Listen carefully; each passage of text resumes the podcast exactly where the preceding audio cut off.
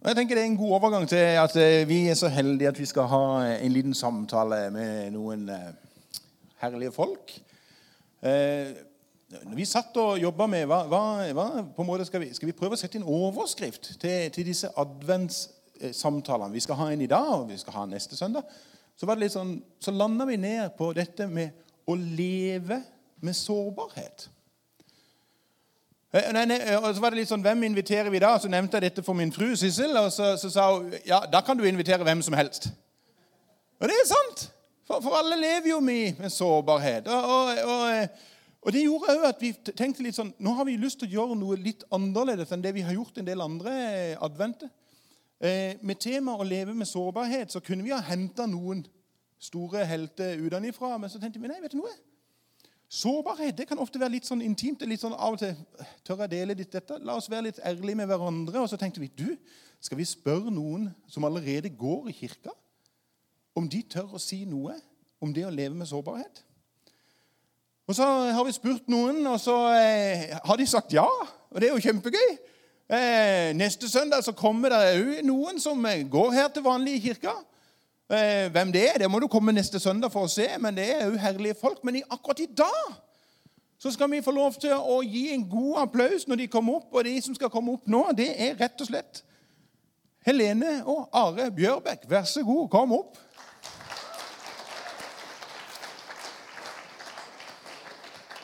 Nå skal vi bare se om vi kan få lyd på alt i hop. Hvis du holder den, og så skal du få lov til å få den. Og så Oi, kjære, dette her var en sånn vippestol. Ja, dette er sånn, Velkommen hjem til, til, Kjersti Slåtta sin eh, stue. Vi har vært hjemme hos Kjersti og bare plukka med oss. Og Det er veldig koselig. Og så er det veldig fint med, med, med sånn intervju, for det at der kan vi drikke kaffe. Ja, ja, ja. ja, ja, ja. Så det Så eh, det blir ikke mye begynne med meg sjøl. Vi begynner med gjestene. Sånn var det.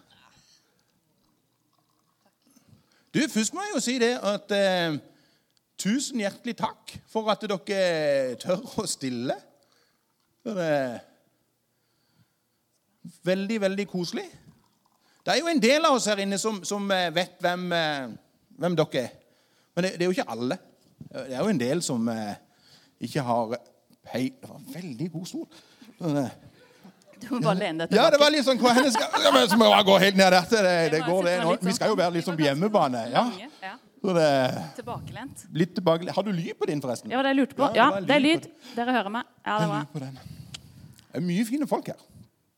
Ja, Fint å sitte her og se på det. At, du, altså, Noen av oss kjenner, kjenner, du, kjenner dere. Eh, altså, det er Helene, det er Are. Eh, dere har vært gift i ganske mange år. Dere har to herlige barn, Kirsten og Lars.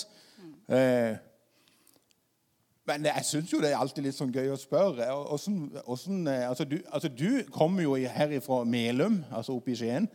Og, og, du kommer fra Sogne? Sogne, Song, Songe? Mellom Song. Risør og Tvedestrand. Ja. Mm. Det er sånn plass vi bare kjører forbi. Ja. ja. Mm. Er det noen som har vært på camping på Songe? Nei, ingen som har vært på camping på Songe. Det skjønner jeg godt. Jeg tror ikke de har campingplass der nede. Har de det? Nei. Nei. Det, men, men, eh, men åssen møtte dere hverandre? Det er jo alltid gøy å spørre om. Vi fant hverandre på noe som heter en sånn kristen dateside som heter kristendate.no. Rett og slett på nettet? Ja. Yep. Det satt langt inne. Jeg, vet du noe, Når dere sier det, så kjenner jeg at jeg blir litt sånn gammel. Jeg kjenner litt sånn På nett? Kan vi finne hverandre på nett? Men det er jo veldig kult, da. Ja. Eh, var det sånn at eh, var det sånn dere måtte jo avtale etter hvert å møtes, vil jeg tro. Ja. Var det sånn at dere møttes, så var det bare med som kjærlighet med første blikk? Ja, jeg vil jo si det. Ja. Da svarer han Jeg husker at jeg tenkte det, Men vi snakket, altså jeg tror vi satt og prata i mange timer første gangen. Det gjorde vi. Jeg husker jeg tenkte at jeg må møte han igjen. Det tenkte jeg. Ja. Jeg må møte han igjen. Men Men ja, så var jeg litt sånn eh, det var noen ting altså, Jeg merka jo eh, noen av, noe av det vi skal snakke litt mer om seinere. Men eh, jeg merka jo at det var noe med Are som han fortalte meg litt om. og sånn, Så jeg var litt sånn spent. Da, ok, Har jeg liksom eh, Har jeg surra meg inn i et eller annet nå som jeg må Som er typisk med, liksom? Min omsorg og Ja. Jeg tenkte den tanken òg, men så tenkte jeg nei, jeg, dette er for bra til å bare la det gå. Jeg må møte han igjen. Og det, det gjorde jeg. ja. Veldig, veldig bra. Det Ja. veldig bra. Så havner dere her, og så er, så er det jo litt altså, eh, Temaet er jo eh, sårbarhet. Are, eh, du, eh, en del av oss kjenner historien, en delvis av den iallfall, men eh, du opplevde jo i veldig ung alder at livet er ekstremt sårbart. Tolv år gammel så er du ute på sykkeltur, havner i ei alvorlig ulykke. Eh, blir lagt i koma. De skjærer ut en del av hjerneskallen og plassere den i magen for å bevare den. Eh, og, og folk ber som gale, om de går i kirke eller ikke, om at Are må overleve. Eh, og så overlever du. Men livet etterpå det har jo aldri blitt helt det samme. Åssen er det der, der Åssen preger hverdagen din deg etter en sånn alvorlig ulykke? Jeg har jo selvfølgelig noen eh, hva skal jeg si, noen hemninger som gjør at jeg ikke kan leve som andre kan gjøre. da. Jeg er jo får ikke lappen pga. at jeg har for dårlig syn. Og Hva ser du egentlig? Nei, det er ikke stort.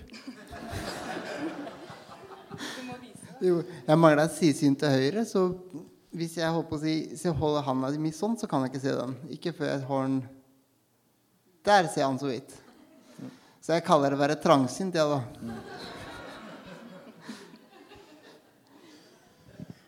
Men, men har det- begrensa deg på andre måter? Altså, eh, er, det, er det andre ting du på en måte ikke kan? Ja, jeg kan jo ikke spille fotball. Og jeg jeg hoppa på ski når jeg var liten, og jeg spilla fotball. Og ja, det er en del ting jeg ikke kan gjøre, da. Jeg kan ikke f.eks. ta med barna ut på en kjøretur. Det er noe jeg gjerne kunne gjort, tenker jeg. Men eh, jeg blir god til å ta buss, da. Du, jeg må, jeg må.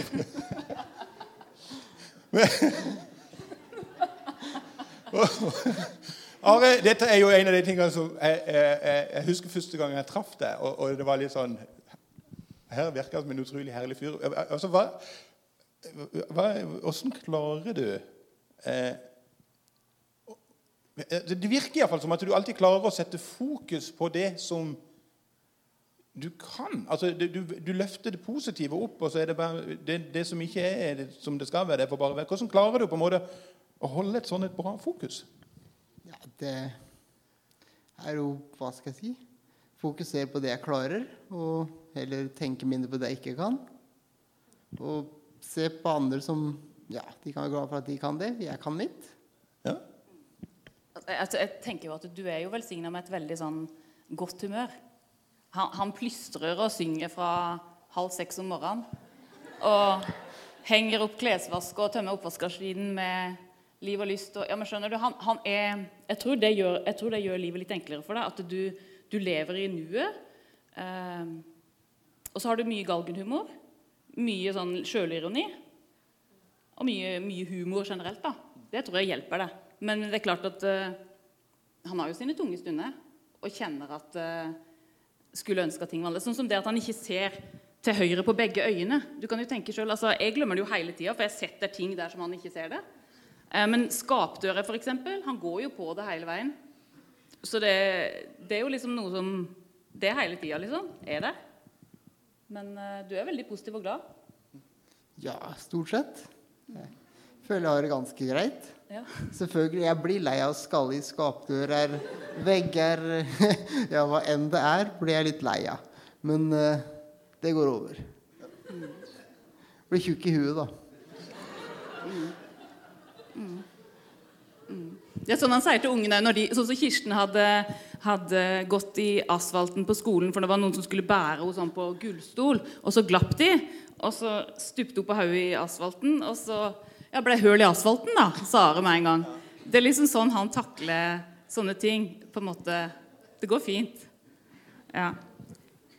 Jeg tror de fleste av dere har skjønt at hvis, hvis det, en har en litt dårlig dag, heng sammen litt, vær litt sammen med Are.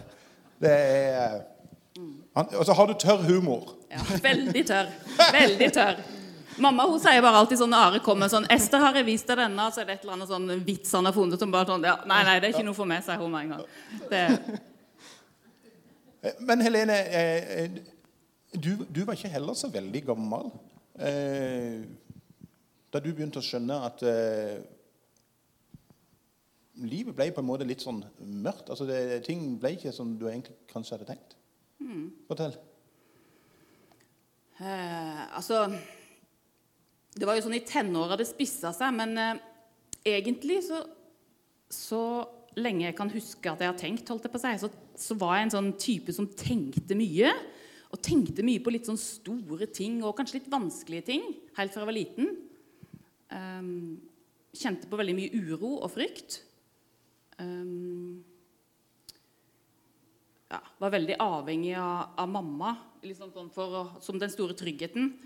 Ehm, og så ble det enda mer turbulent når jeg kom i tenåra og hormonene begynte å løpe. Og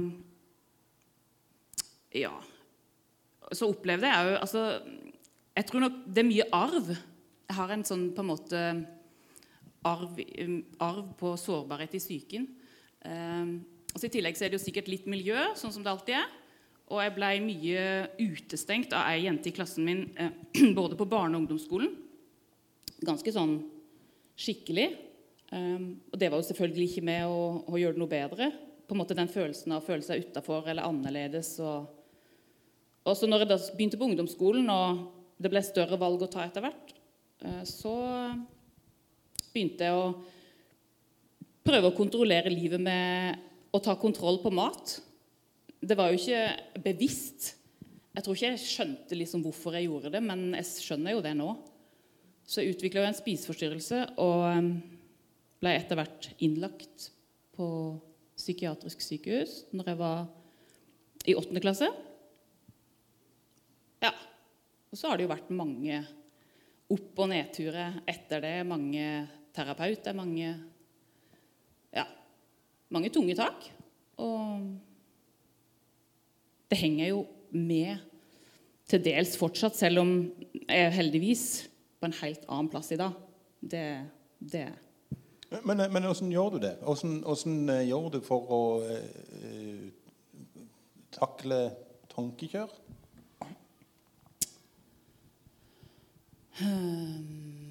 Altså, jeg har jo lært meg noen eh, Jeg har jo lært meg noen måter å takle det på sånn eh, terapeutisk.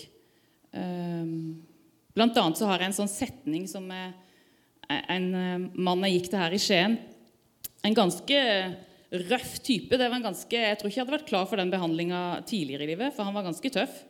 Men eh, han sa det at eh, det er ingenting som er farlig, og det er ingenting du må. Sa han. Altså, du må gå på do, sa han. Det må du. Men eh, altså, sånn i forhold til tvang og Det er ingenting som er farlig, og det er ingenting du må. Så veldig ofte så merker jeg at jeg liksom, den har jeg som en sånn derre Ok, nå kjenner jeg liksom at uh, uroen kommer Ok, det er ingenting som er farlig, det er ingenting jeg må. Um, og så har jeg Jesus. Og opp igjennom så har jeg Altså Jeg vet ikke helt hvor jeg hadde vært hvis jeg ikke hadde hatt Jesus. Og hvis ikke alle de menneskene som har bedt for meg opp igjennom uh, Det heldigvis slipper jeg å finne ut av, da. Men uh, jeg tror at det har redda meg veldig mye. Og når jeg våkner om morgenen og kjenner den der vonde frykten og klumpen, så altså, Jeg har liksom sånn, jeg kaster meg på Jesus fra jeg våkner, liksom. Nå må du bare OK, ny dag. Nå må du være med meg. Um, og så har jeg jo selvfølgelig opp igjennom åra gjort meg veldig mange erfaringer på at uh, OK, nå er det de dagene der. Nå, nå, stormer det litt ekstra, men så vet jeg at det roer seg. Um, og det var verre før, når det liksom gikk i hulter til bulter, og jeg ble mye mer sånn slått ut av det. Um, ja. Og så hjelper det jo å snakke med noen, da. Ja. Kanskje få plassert ting litt. Grann. Jeg har bl.a. en eldre bror som er pastor i Vågsbygd misjonsmenighet, som er, har vært en veldig sånn, god støtte for meg opp igjennom. Kan være, Av og til så er det bare det å si ting høyt, og så høre at noen plasserer det litt for deg. Og så Men jeg må, jeg må nesten spørre dere begge to. eh, eh, Det var en sånn tanke som slo meg. Du sier at Jesus blir, blir viktig oppi dette. Hva- Hvorfor blir Jesus ikke egentlig bare en byrde? Altså, hvorfor, for, for Tenker dere av og til at ja, men han kunne jo bare ha helbreda meg? Han kunne jo ha, altså, eh, Hadde Are blitt helbreda, så kunne han kjørt bil, og eh, du hadde hatt lyse tanker hele tida, for det har alle vi andre. Ja. Nei, vi har ikke det. Eh, Hva, hva, hva, eh, er det som gjør at en velger å gå til Jesus allikevel?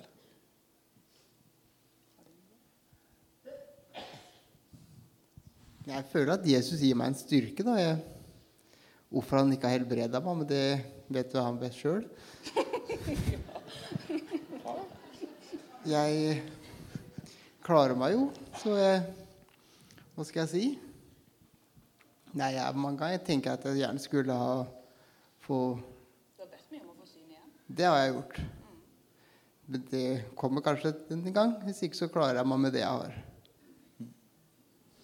Og det har gitt meg epilepsi òg. Det hemma meg også litt. At jeg må tenke litt for at jeg skal, trenger å hvile litt mer enn andre kanskje jeg måtte gjøre. Men da hadde man våken opplagt, da. Altså, jeg vet at jeg har ropt mye og vært frustrert og stilt masse spørsmål. Og jeg syns eh, Jeg har vært sinna på Gud. Det har jeg. Masse. Opp igjennom. Ehm, kanskje meg før enn nå. Og tenkt at eh, herligheten, her står du rett foran meg og strekker armene dine ut. Og hva vil du jeg skal gjøre for meg? Og du vet jo hva jeg vil. Jeg vil bli kvitt den forferdelige angsten. Kan du ikke bare ta den vekk? Eh, og jeg husker noen ganger jeg tenkte herligheten er det noe bedre å være kristen enn å ikke være det. liksom, Hva hjelp får jeg? Um, men jeg tror kanskje at jeg har eh, landa litt mer etter hvert på at det er en del av en stor verden der det er vonde ting. Og det gjelder alle, og det treffer meg òg. Så det er ikke noe forskjell, på en måte. Eh, Men den store forskjellen er jo at jeg har Jesus oppi det, og det, derfor er det mye bedre. Og da har jeg på en måte kommet fram til at jeg holder bare fast på at han er god, han vil meg godt. Eh, Det er ikke han som står der og sier at ja, jeg vil at du skal ha det forferdelig vondt og være redd. Han vil ikke det, men, men jeg er en del av denne verden hvor det fins. Så tenker jeg mer sånn. Eh, og så skal jeg en gang bli kvitt alt det der. Ja. Du, Are, jeg vet at du er eh, Du, du, du leser Bibelen mye. Og du nevnte, altså, du nevnte for meg at du leser ikke bare hjemme. Fortell hva det du pleier å gjøre når du leser Bibelen. Jeg har en sånn bibelapp på mobilen. Og da har jeg med meg Bibelen på bussen. Og så leser jeg de versene som står i, på dagens uh, leseplan. da. Sitter du med en fysisk bibel på bussen? Ja, jeg liker bedre å lese i Bibelen eller, eller boka, da kan du si, Ja. enn på mobilen. Ja. Hva gjør det med deg at du leser så mye? Jeg kjenner det godt å lese Bibelen, og jeg føler at det gir meg litt. Eller mye, for den saks skyld. Det er vanskelig å si. Nei, jeg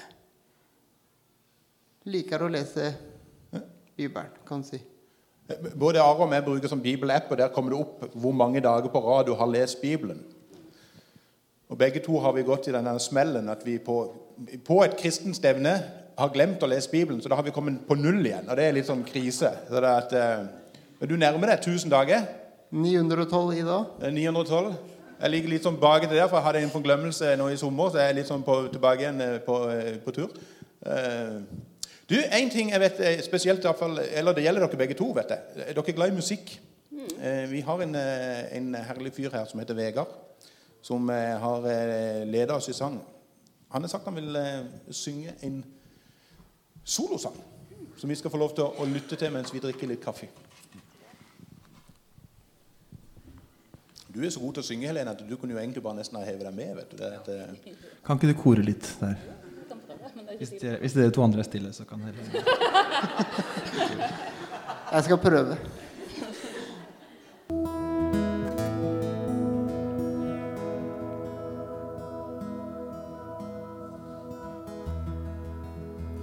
Her kommer dine arme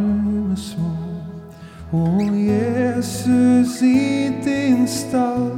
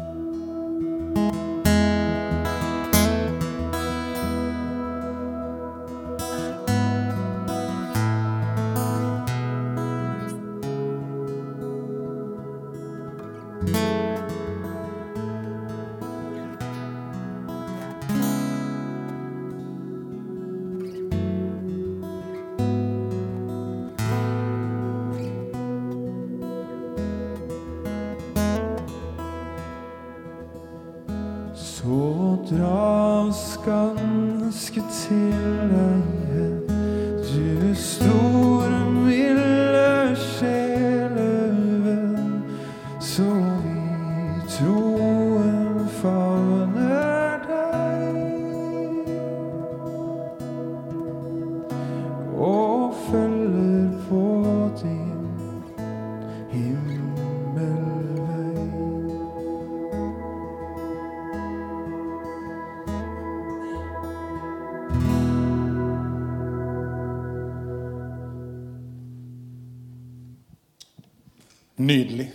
Jeg syns han skal få en applaus.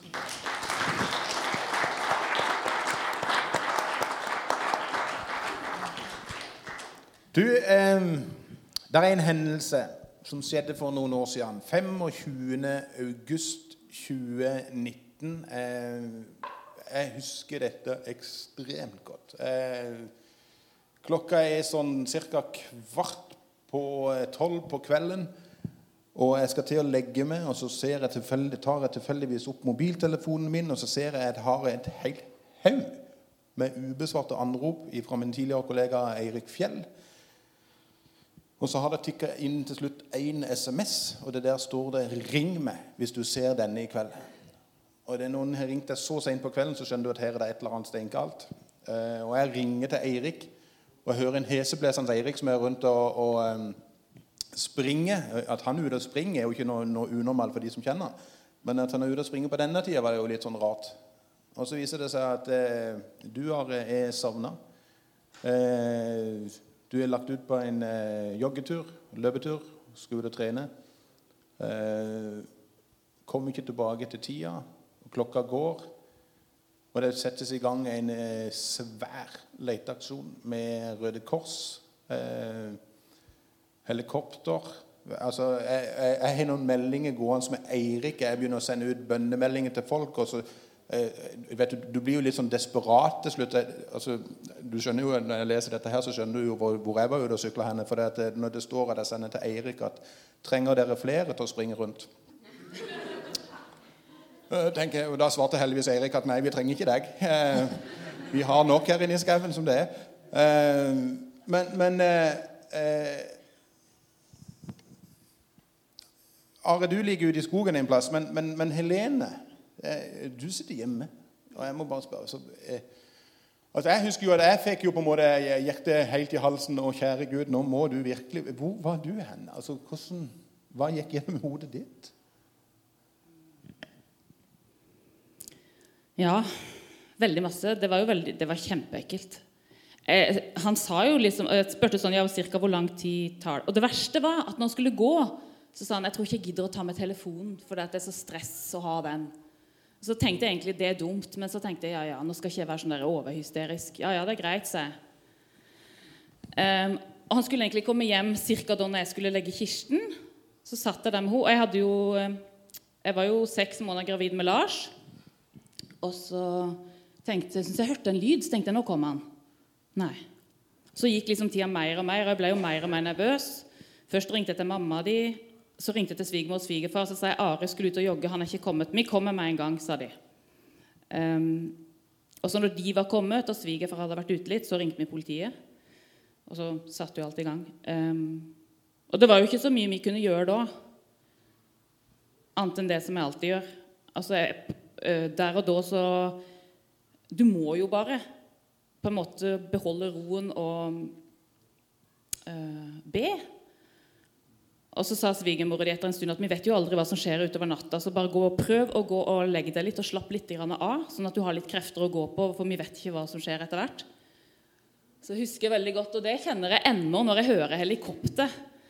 Eh, for da la jeg meg opp på senga litt, stappa noen sånne propper i ørene, og så lå jeg der og bare prøvde å kaste alt på Jesus og tenkte jo selvfølgelig ok, Vi ante jo ingenting. Vi visste ikke om han levde. Eh, vi visste ikke om han var skada. Og så hørte jeg helikopteret. Jeg så det jo sirkla over åsen der hele veien. Og det var jo bekmørkt. Jeg, tenkte liksom, jeg måtte bare prøve å ikke tenke for mye på han som lå der ute en plass. det var jo så varmt den dagen, så han løp jo av gårde bare i sånn en liten springeshorts og bar overkropp. Og nå begynte jo klokka å bli ganske langt på natta. Uh, nei.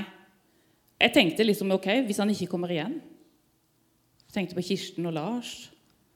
Um, så heldigvis etter en stund Han løp jo sånn jeg tror det var sånn kvart på fem. Ti på ett fant jeg han. Og da banka svigerfar på døra. Da sto han der, og tårene eh, trilla. Og 'De har funnet inn! De har funnet inn!' Og da sa jeg bare 'Lever han?' 'Ja.' 'Er han skada?' 'Nei.' Det var liksom det første. Hva, hva hadde skjedd, Are? Hva, hva, hva, er det som eh, Hvorfor eh, kom du ikke hjem igjen? Jeg, jeg, skulle jo springe litt av runde på ja, 13 km, og så fikk jeg epilepsianfall på vei opp til Solmørås. Ja, det går over, tenkte jeg. Så jeg gikk sprang, fortsatte, da, kan du si. Og så sprang jeg meg vill. Og så ble det jo mørkt. Og så fikk jeg flere anfall, sånn serieanfall, så mange anfall som overtar hverandre etterpå. Og da gikk jo tida ganske fort, kan du si. Og når, du, når du har gått deg vill, og det er blitt mørkt på natta, så er det ikke godt å vite hvor jeg er hen. Så jeg ble, var ute 22 km. Jeg skulle Jeg ble funnet opp med Bitsteinkjenn. Og jeg var helt sikker på at jeg var nede med Ånnerød i Vik. og nedi der. Så jeg var litt på tur, da, kan du si. Og han lå, jo, han lå jo der og så på helikopteret, men de så ikke han. Uh, hvem var det som fant den? Ja, Det var veldig spesielt.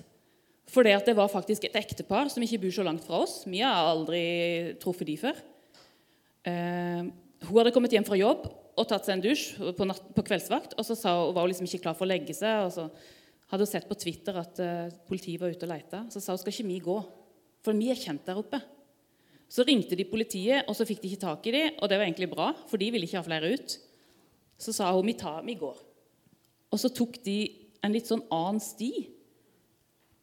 Og han eh, så jo plutselig noen som kom og lyste. Han lurte på om det var månen. Eh, og så sier de liksom at det var flaks at vi tok denne veien. Og det første Are sa til de var Jeg tror ikke på flaks, jeg tror på Jesus. Og hun var faktisk ateist. Men eh, eh så jeg det var litt kult. Det første han sa, det var det. Jeg tror ikke på flaks, jeg tror på Jesus. Eh, og da jeg husker, altså jeg fikk jo til slutt en melding fra eh, Eirik eh, der det Han er funnet eh, i god behold. og Jeg husker eh, Og enda så kjenner jeg den der helt sånn eh, Når vennene plutselig ikke er der de skal være. eh, og når de plutselig blir funnet. Det ble en vekker for mange av oss i forhold til at vi har en bibelhistorie her på huset som, som er den eh, bortkomne sau. Om hvor viktig det er å finne de som ikke kjenner Jesus. Eh, og det var aldri noen som tenkte at eh, nei, vi det er jo bare én. Det er jo bare Are som mangler. Altså, Vi trenger jo ikke å bruke så mange folk. Vi, vi gidder ikke bruke helikopter. Jo, den ene var så viktig at de slapp ut absolutt alt. Eh, bortsett fra meg, da. Eh, det var jo ikke nødvendig å ha to de skulle finne der inne eh, i skauen. Men, men det har blitt en, en, en Altså En skjønte jo plutselig hvor sårbar man er. Og hvor utrolig takknemlig man blir når, når ting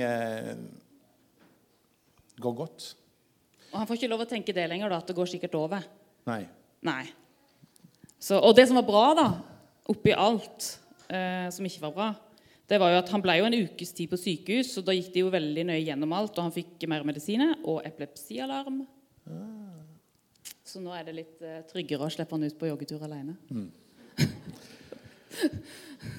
Jeg tror Sissel òg hadde, kona mi hadde syntes det var greit hvis hun hadde hatt en sånn knapp på meg òg. er jeg ute alene. Du, eh, dere er sårbare på hver deres måte. Eh, eh, påvirker det ekteskapet?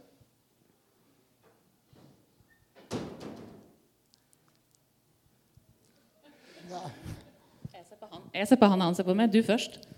Hva skal jeg si? Vi er sårbare sammen, men Jesus han holder, holder oss oppe. Og når vi tenker ting er vanskelig, så vet vi at han er der og passer på oss. Og kjenner at vi har styrke i det. Og selvfølgelig, det er ting vi gjerne kunne tenke kunne vært med på, som vi må ikke la være. Så ja. Vi klarer vi har det godt som vi har det.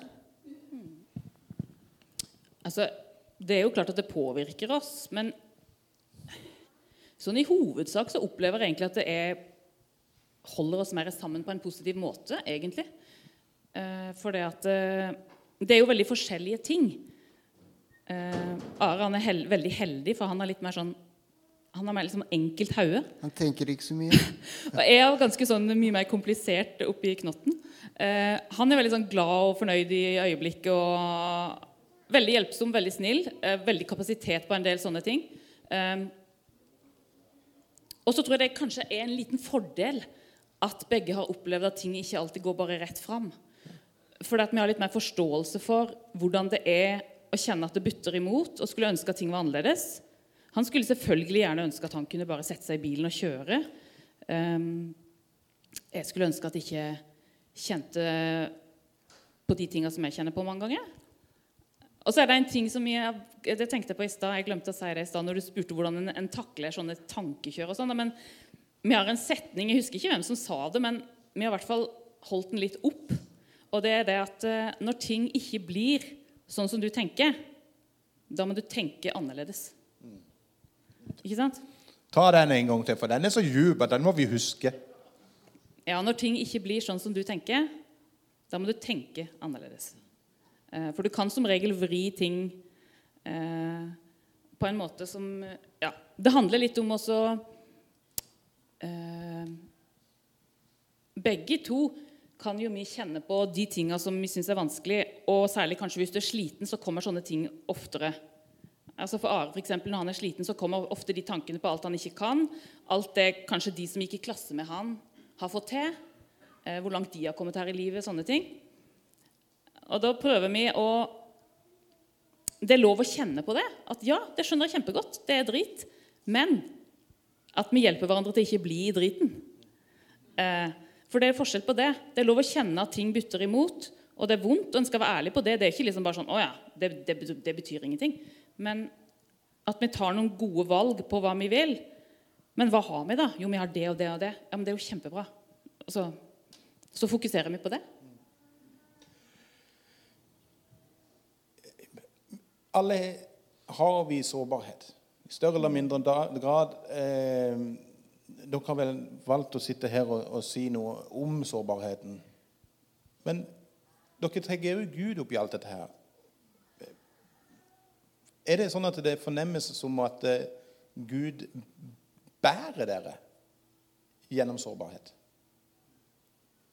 Ja, definitivt. Absolutt. Og det gjør kanskje ekstra at du trenger å holde deg nær Jesus. Um, opplever jeg i hvert fall det. For da roper jeg meg til han, og da kommer jeg jo Da drar jeg meg nærme han oftere. Um, og så tenker jeg at han er jo i hvert fall den som vet uh, noe om sårbarhet. Uh, hvis du tenker sånn. Mm. Ja. Hvis du tenker sånn Tenk på Jesus, hvor sårbar han egentlig var. Mm. Han ble født i en stall. Han var flyktning og måtte rømme. Han levde med sårbarhet hele tida. Så hvis det er noen som vet åssen vi har det i vår sårbarhet, så er det jo nettopp Jesus. Det var ei som sa det så fint en gang. Han sine naglemerkede hender, som bærer merke etter sår. Når han får lov til å berøre sin sårbarhet inn i vår sårbarhet, så kommer det legedom. Du, Jeg ser du har tatt med deg Bibelen, Helene. Vi skal gå med en avslutning. Det, hadde du noe du hadde lyst til å dele derifra? Her har jeg noe. Ja. Jeg vil bare si før, før jeg leser det verset, da, eller de versene, at det er jo ikke sånn at vi sitter bare hjemme og depper og griner og uh, Are krasjer og Det kunne jo nesten høres sånn ut. Det er jo ikke sånn. Altså, uh, men det som Ari sa, da, kanskje må vi liksom legge lista litt lavere noen ganger. Han trenger litt mer hvile. Det gjør faktisk jeg òg. Uh, men vi har det enkle gode, da. Som kanskje er det viktigste.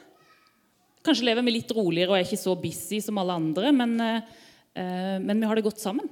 Og det er veldig fint. Når jeg var sånn 10-12 år, så var jeg på et møte i kirka der som jeg vokste opp.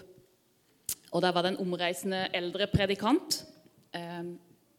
Og Jeg husker at jeg gikk til forbønn fordi at jeg, jeg hadde veldig mye jeg tenkte på. Syntes det var tunge ting. Eh, mørkt og redd og ja. Så gikk jeg til forbønn. Og så, når jeg skulle gå ut fra det møtet, så sto han her store, fyldige, gode eldre predikanten, og så, han, så ga han meg et lite kort sånn bibelverskort, og så hadde han skrevet en henvisning bakpå. Dette her, Da var jeg sånn 10-12 år. Det var før på en måte alt braka løs sånn ordentlig i livet mitt. da. Og Så skal jeg lese dere de versene, det, det er litt stilig. For at, uh, han kjente ikke meg. Han visste ingenting om meg. Så ga han meg disse versene her. Og nå, nå leser jeg det med mitt navn, da. For det er sånn jeg har lært det. at jeg skal sette inn mitt eget navn. Nå så sier Herren, Han som skapte deg, Helene, og formet deg. Frykt ikke. Jeg har løst deg ut. Jeg har kalt deg ved navn. Du er min. Går du gjennom vann, er jeg med deg. Gjennom elver skal de ikke rive deg bort. Går du gjennom ild, skal den ikke svi deg, og flammen skal ikke brenne deg. For jeg er Herren din Gud, Israels hellige din frelser. Jeg gir Egypt som løsepenge for deg, Nubia og Sebia Seba til vederlag for deg, fordi du er dyrebar i mine øyne, aktet høyt og elsket av meg. Gi jeg mennesker i ditt sted, og folkeslag til vederlag for ditt liv. Vær ikke redd, for jeg er med deg. Og det har vært noen sånne vers som jeg har eh, kommet tilbake til gang på gang opp igjennom livet. da. Og tenkt på at eh, det ga han meg. At eh, om jeg skulle gå gjennom vann eller jeg skulle gå gjennom ild, så skulle han gå med meg. Amen. La det være en siste ting til oss alle. Han er alltid med. Vi skal synge i bitte grann før vi uh, skal gå over til nadvær. Men uh, før vi gjør det, så skal vi gi Helene og Are en fantastisk applaus for at de var villige til å være med og dele. Tusen takk skal dere.